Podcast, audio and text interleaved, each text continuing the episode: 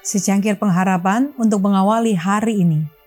Renungan pagi tanggal 26 Desember. Tidak ada duka atau kesedihan. Yesaya 65 ayat 19 berfirman, Aku akan bersorak-sorak karena Yerusalem dan bergirang karena umatku. Di dalamnya tidak akan kedengaran lagi bunyi tangisan dan bunyi erang pun tidak kita sedang dalam perjalanan pulang ke rumah. Dia yang sangat mengasihi kita hingga rela mati demi kita, telah membangun bagi kita sebuah kota. Yerusalem baru adalah tempat kita beristirahat. Tidak akan ada kesedihan di kota Tuhan.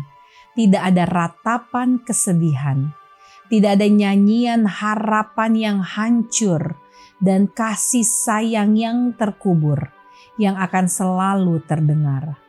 Segera pakaian kemalangan akan diganti dengan pakaian pesta.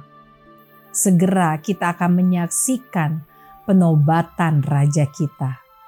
Mereka hidupnya tersembunyi bersama Kristus. Mereka yang di bumi ini telah berjuang dalam perjuangan iman yang baik akan bersinar dengan kemuliaan penebus dalam kerajaan Allah. Kehendak Allah harus dilakukan di bumi seperti yang dilakukan di surga. Maka bangsa-bangsa tidak akan memiliki hukum lain selain hukum surga. Semua akan menjadi keluarga yang bahagia dan bersatu, mengenakan pakaian pujian dan ucapan syukur jubah kebenaran Kristus.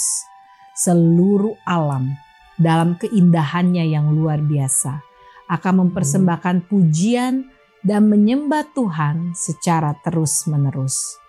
Dunia akan bermandikan cahaya surga. Tahun-tahun akan berlalu dengan sukacita. Cahaya bulan akan seperti cahaya matahari, dan cahaya matahari akan tujuh kali lipat lebih besar daripada yang sekarang.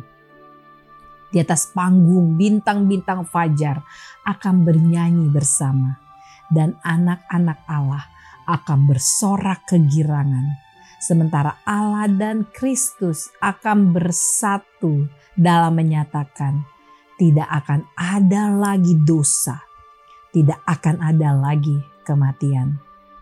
Doa kita hari ini marilah kita meminta tuntunan Roh Kudus untuk selalu hadir dalam hidup kita, terlebih khusus menanti kedatangan Yesus yang kedua kali.